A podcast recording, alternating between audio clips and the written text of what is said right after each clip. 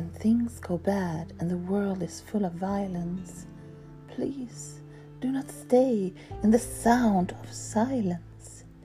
Speak from the heart, your words need to be heard.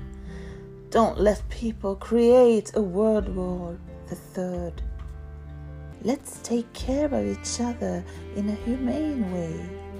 With love in our hearts, we will know what to say. Violence versus violence, it won't solve a thing. Just imagine what chaos it will bring. Cause we are all born human beings. When did we fail to see the real things? When did the hatred grow so huge in our hearts that the blood rushes so fast to throw it off the charts? Can't we just stop for a while and close our eyes? Listen and hear about the dreadful pain people cries.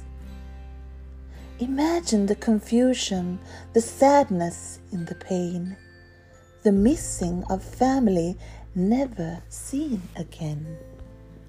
Where has all our empathy gone? Please let us tomorrow see a different dawn. A dawn so beautiful with loving colors of pink. What about that? What do you think? Please see the world from my perspective for a while. Wake up to be thankful. Open up your eyes with a huge smile be in the world of love and see the magic instead of fear and hate and just being tragic. Please see the magic.